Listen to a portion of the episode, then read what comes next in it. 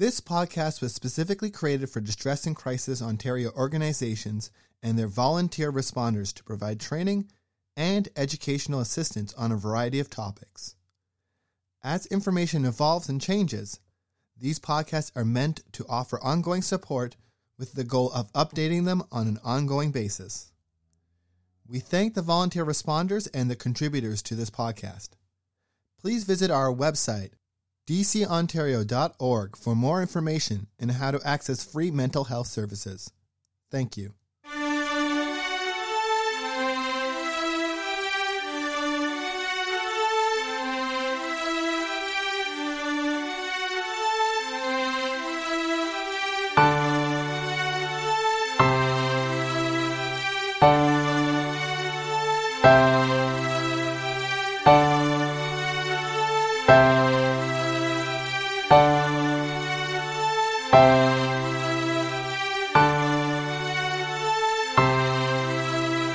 Hello, my name is Caitlin Plant, and I am the Program Manager for Distress and Crisis Ontario. Thank you for choosing our podcast. We hope we can provide you with tools, information, and resources that will benefit your mental well-being and or assist you in supporting someone in your life who may be struggling. This week, I will be talking about the importance of sleep for maintaining good mental health. Before we jump in, I'd like to remind you that we now have a feedback form in our show notes where we would love to hear from you. If you have any suggestions or requests for future episode content, have any questions, or would like to give feedback on existing content, please head to the show notes and give us your thoughts. We are always happy to receive feedback that helps us to better serve our community. Now, let's talk about sleep. The information shared in this episode comes from a combination of resources from the Canadian Mental Health Association's National, Halton, and BC branches, as well as Anxiety Canada. Sadly, sleep issues are very common, but are especially present in those persons who are already struggling with depression, anxiety, ADHD, and many other mental health conditions. Sleep is also something that we all often sacrifice for other things, like finishing up a project, reading the last few pages of that book, attending a party or event, or even just scrolling through social media. I'm sure most of us have experienced a particularly bad night's sleep and spent the following day feeling the effects. But here are some of the most common sleep problems people face having trouble falling asleep, which is defined as laying in bed for more than 30 minutes without being able to sleep, trouble staying asleep and waking up frequently during the night. Early morning waking, causing you to wake in the early hours of the day before you need to get up, but not being able to fall back to sleep Outside behaviors like snoring, grinding your teeth, restless leg syndrome, sleepwalking, medication side effects, breathing problems, and more that interfere with your sleep.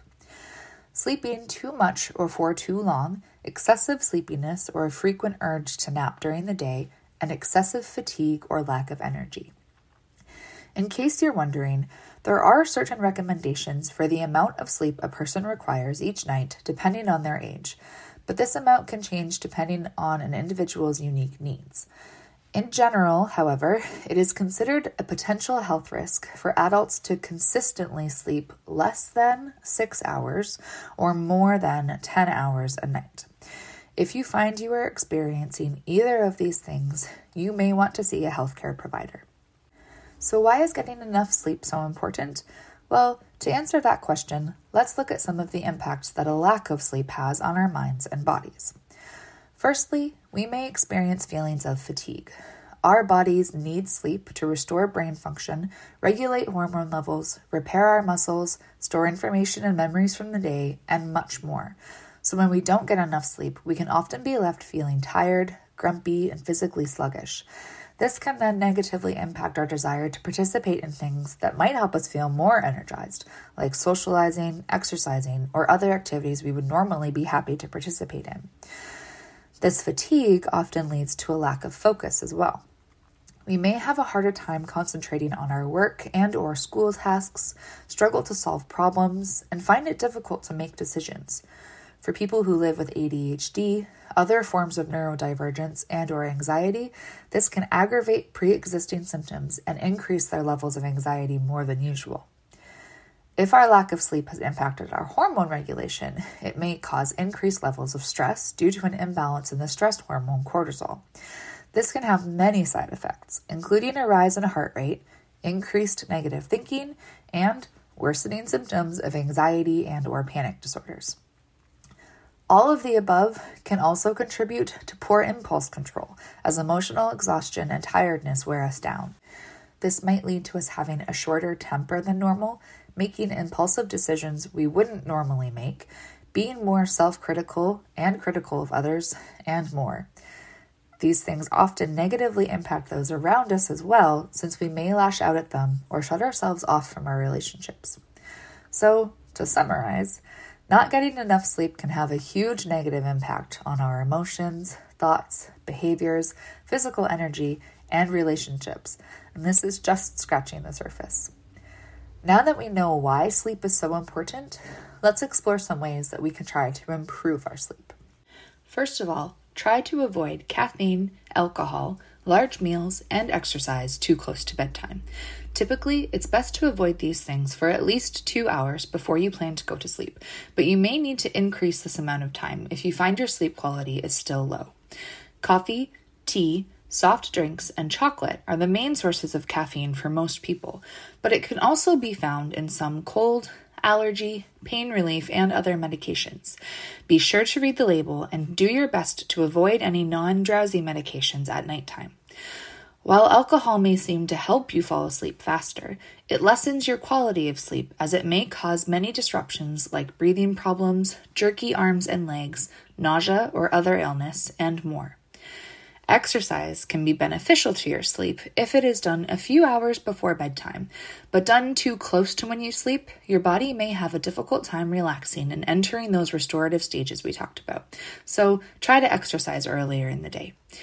If you find that you are hungry before bed, a light, healthy snack will be best to avoid sleep disruptions. When possible, try to spend some time relaxing and unwinding before heading to bed. Stress can have a huge impact on sleep, and as we already talked about, lack of sleep can increase our levels of stress, causing a sort of sleep deprivation cycle. Do your best to spend at least 30 minutes relaxing before bed by reading a book, doing crosswords or sudokus, taking a bath or a shower, listening to calming music or an audiobook, meditating, or doing any low stimulation activity that helps you to unwind. It's best to avoid screens in this time as the blue light emissions are stimulating to our brains. Make your bedroom as sleep friendly as possible within your means. A mattress with good support and comfortable bedding are both helpful. Make sure your room is not too hot or too cold. Slightly cool is best. If you are able, avoid using your bed for watching TV, working, studying, or any other mentally stimulating activities, especially if you are already experiencing sleep problems. If you live in a noisy area, try using earplugs or noise canceling headphones to cut out distractions. And if you like to read in bed, consider an automatic light dimmer to avoid interrupting your circadian rhythms. It is also important to practice good sleep hygiene by sticking to a consistent bedtime and wake up routine. Be strict and hold yourself accountable for getting into bed at the same time every night, even weekends, and not letting yourself sleep in too much. Even if you miss an hour of sleep one night, it's important to stay on track with your routine and wake up normally so you'll feel sleepy the following night. Creating this sleep routine will help your circadian rhythms stay on track and maintain healthy sleep patterns. Also, if you are already experiencing sleep issues, Try not to nap during the day and see if this improves your sleep at night. Sometimes naps are necessary, but it's always best to keep them short, around 30 minutes at most. This will help minimize the impact of the nap on your nightly sleep. If you often feel so tired that you can't possibly get through the day without a nap, it might be a good idea to talk to a doctor, as this could be a sign of another health problem, including a sleep disorder. While this last one may seem counterproductive, studies have shown that it is very effective in reversing sleep problems. Get up if you don't fall asleep within a half an hour of trying. Get out of bed, leave your bedroom, and do something relaxing, avoiding screens and caffeine until you feel very drowsy. Then head back to bed and do your best to fall asleep naturally without trying too hard. If another half an hour passes with no sleep, get up and do it all again. At first, this strategy might feel like it's making things worse if it leads to a few sleepless nights. However, with consistency, it will become easier to fall asleep and stay asleep naturally. These are just a few suggestions that we hope will help you to improve your sleep quality, which will in turn help improve your mental wellness. If you would like to explore more information, I would highly recommend visiting your local CMHA's webpage and searching sleep, or you could visit the Canadian Sleep Society's website at css-scs.ca. That was css-scs.ca.